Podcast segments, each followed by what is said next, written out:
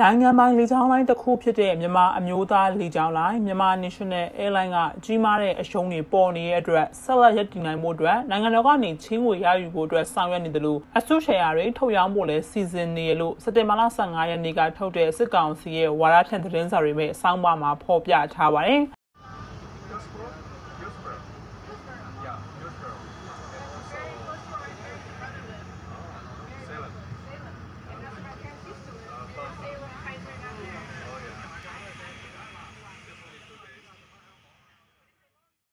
COVID တတိယလှိုင်းနဲ့လေကြောင်းစီးပွားရေးဆိုတဲ့ခေါင်းစဉ်နဲ့အဲ့ဒီဆောင်းပါးမှာမြန်မာအမျိုးသားလေကြောင်းလိုင်းဟာ COVID ကာလအတွင်းမှာဝင်ငွေက85ရာခိုင်နှုန်းထိကျဆင်းသွားခဲ့တယ်လို့ဖော်ပြထားပါတယ်။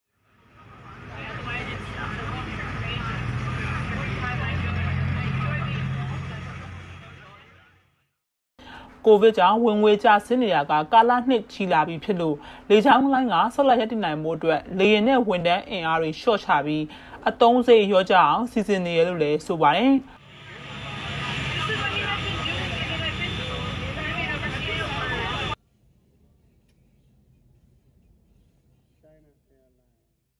မြန်မာအမျိုးသားလူကြောင်းတိုင်းမှာအကြီးဆုံးအသုံးစရိတ်ကတော့လေရင်တွေငှားရမ်းကပေးချေစရိတ်နဲ့ ဝန်ထမ်းလာစရိတ်တွေဖြစ်တဲ့အတွက်ဒီကြောင်းလိုက်မှာပြေးဆွဲနေတဲ့လေရင်10စင်းထိရှော့ချပြီးမူလဝန်ထမ်းအင်အား2000ကျော်ကိုလည်းအချိုးကျရှော့ချဖို့အတွက်စီစဉ်နေလို့လည်းစောင်းပါမှာရေးသားဖော်ပြထားပါတယ်။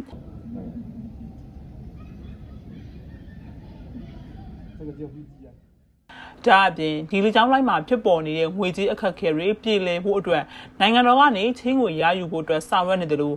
အများပြည်သူကိုအဆုရှယ်ယာတွေရောင်းချဖို့လည်းစီစဉ်နေရလို့အဲ့ဒီဆောင်ပါမှာဖော်ပြထားတာပါမြန်မာအမျိုးသားလူကြောင်းလိုက်ရဲ့တရားဝင် website နဲ့လူမှုကွန်ရက်စာမျက်နှာမှာတော့အဲ့ဒီအကြောင်းအရာနဲ့ပတ်သက်ပြီးတရားဝင်အသိပေးထုတ်ပြန်ထားတာတော့မရှိသေးပါဘူး။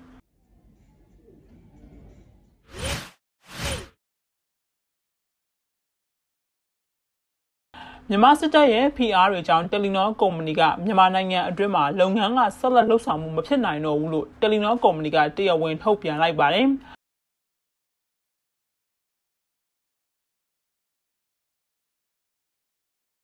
နော်ဝေနိုင်ငံပိုင်တယ်လီနောကုမ္ပဏီရဲ့ဝန်ဆောင်မှုကိုသုံးစွဲသူရဲ့ဆက်သွယ်မှုတွေကိုမြန်မာအာဏာပိုင်တွေကကြားဖြတ်ဖမ်းယူနိုင်မဲ့ကိရိယာတွေတက်ဆင်ပေးမှာပဲ။ မြန်မာနိုင်ငံမှာဆက်နေလို့ရမယ်ဆိုတာကအာဏာသိမ်းပြီးနောက်ပိုင်းမှာဖြစ်ပေါ်လာတဲ့အခြေအနေတွေကပိုပြီးရှင်းလင်းသိသာလာခဲ့ရတယ်လို့တယ်လီနောကုမ္ပဏီရဲ့ထုတ်ပြန်ချက်ထဲမှာဖော်ပြထားပါတယ်။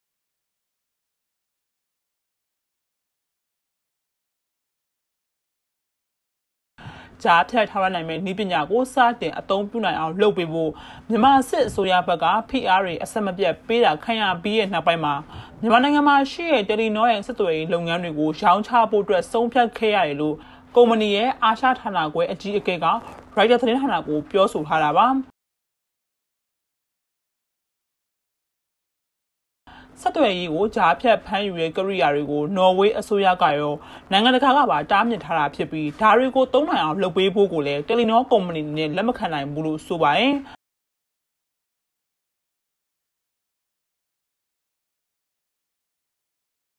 ဒါအပြင်သုံးဆွဲသူတွေကိုအကာအကွယ်ပေးထားတဲ့ဥပဒေရေးရာနဲ့စီမင်းစည်းကမ်းဆိုင်ရာမူပေါင်းတွေ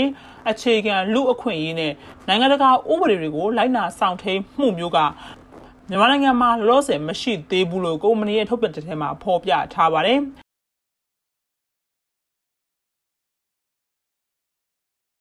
တုံးဆွဲသူတွေရဲ့ဆက်သွယ်မှုကိုဂျာဖြတ်စောင့်ကြည့်ဖမ်းယူတာကတယ်လီနောကုမ္ပဏီရဲ့တန်မိုးထားမှုနဲ့စံနှုန်းတွေကိုချိုးဖောက်ရကြရလို့လည်းဆိုပါတယ်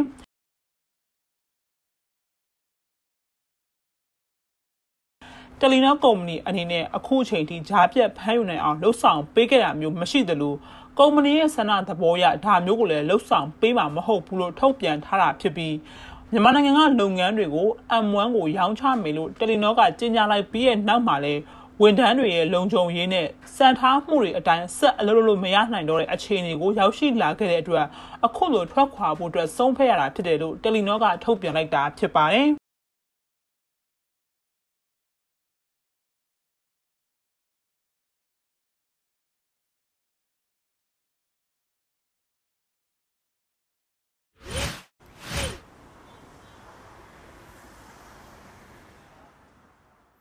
ကောင်စီလက်အောက်ခံဗဟိုဘဏ်ကပြီးခဲ့တဲ့စက်တင်ဘာလ23ရက်နေ့ကနေအမေရိကန်ဒေါ်လာ73တန်းကိုထုတ်ရောင်းခဲ့တာဖြစ်ပြီးနှစ်ရက်အကြာစက်တင်ဘာလ15ရက်နေ့မှာအမေရိကန်ဒေါ်လာ8တန်းကိုထပ်ပြီးထုတ်ရောင်းခဲ့ပါတယ်။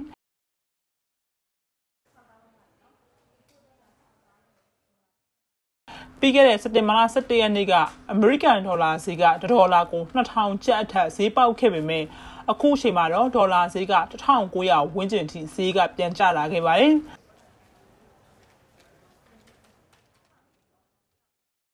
ပြီးခဲ့တဲ့စက်တင်ဘာလ10ရက်နေ့ကစတင်ပြီးအမေရိကန်ဒေါ်လာနဲ့မြန်မာငွေတွေကိုဝယ်ရောင်းလုပ်တဲ့နေရာမှာအများဆုံးထားရမယ့်ကွာဟချက်ကိုလည်းဗဟိုဘဏ်ကပယ်ဖျက်လိုက်ပြီးနှုံးရှင်အနေနဲ့ဖြစ်လာခဲ့တာပါ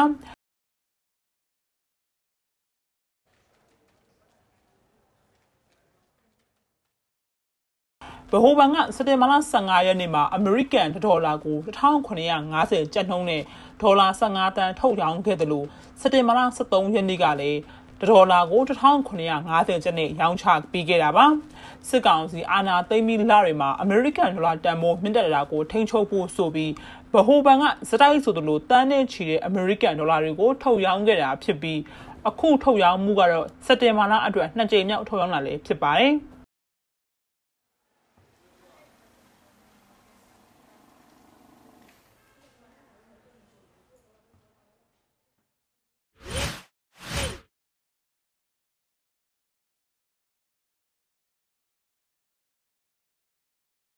ပြီးခဲ့တဲ့ဇူလိုင်လနဲ့ဩဂုတ်လ2လအတွင်းမှာမြန်မာနိုင်ငံအနေနဲ့အမေရိကန်ဒေါ်လာ9တန်းကျော်တန်ဖိုးရှိတဲ့နိုင်ငံခြားယင်းနှိမ့်နှံမှုတစ်ခုပဲခွင့်ပြုပေးနိုင်ခဲ့တာဖြစ်တယ်လို့စစ်ကောင်စီလက်အောက်ခံ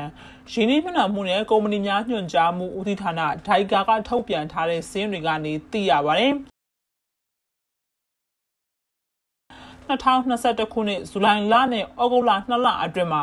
မြန်မာနိုင်ငံအနေနဲ့ကုန်ထုတ်လုပ်မှုခန္ဓာမှာယင်းနှိမ့်နှံမှုပမာဏအမေရိကန်ဒေါ်လာ9.3တန်းတန်ဖိုးရှိတဲ့နိုင်ငံခြားယင်းနှိမ့်နှံမှုလုပ်ငန်းတစ်ခုကိုပဲခွင့်ပြုပေးနိုင်ခဲ့တာပါ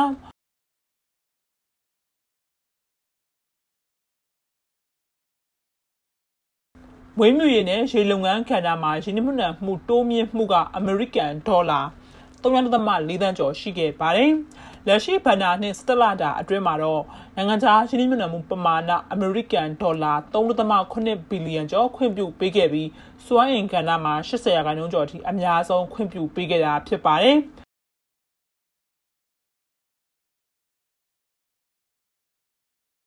စစ်ကောင်စီအာဏာသိမ်းယူပြီးတဲ့နောက်ပိုင်းမှာပြည်ရင်းပြပရင်းနှီးမြှုပ်နှံမှုတွေကယာယီရဆိုင်တာအပိသက်ထွက်ခွာတာတွေက စတိုင်းဆိုလိုရှိခဲ့ပြီးစစ်ကောင်စီဘက်ကလည်းဝင်ရောက်လာတဲ့ရင်းနှီးမြှုပ်နှံမှုတွေကိုအလင်းအမြန်ခွင့်ပြုပေးတာတွေလှုပ်ဆောင်ခဲ့ပါတယ်အမျိုးသားညီညွတ်ရေးအစိုးရ NUG ဘက်ကလည်းစစ်ကောင်စီခွင့်ပြုထားတဲ့ရင်းနှီးမြှုပ်နှံမှုတွေကတရားဝင်မဟုတ်ဘူးဆိုတာကိုလည်းသတိပေးထားတာဖြစ်ပါတယ်။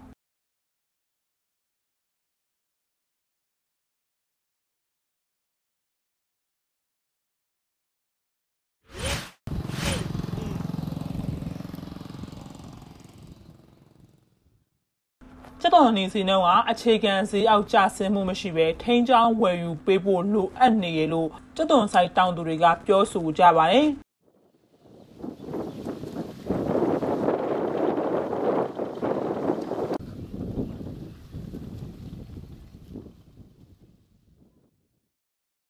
လက်ရှိကျက်သွန်နေအသစ်ဈေးနှုန်းတွေကတပိတ်တာကိုအခြေခံဈေးနှုန်းအောက်ကိုကျဆင်းနေတာဖြစ်ပါတယ်။ ကျက်သွန်နေတဧကစိုက်ပျိုးစေကကျက်သိန်းခွဲခန့်ကုန်ကြတာဖြစ်ပြီးလက်ရှိမှာကျက်သွန်နေစိတ်ဖြူရှဲအသစ်တပိတ်တာကကျက်900ခန့်စိတ်ဖြူအလက်ကြီးတပိတ်တာကကျက်450လက်တန်တပိတ်တာက385ကျက်လက်ငယ်တပိတ်တာကကျက်250ရှိနေရပါ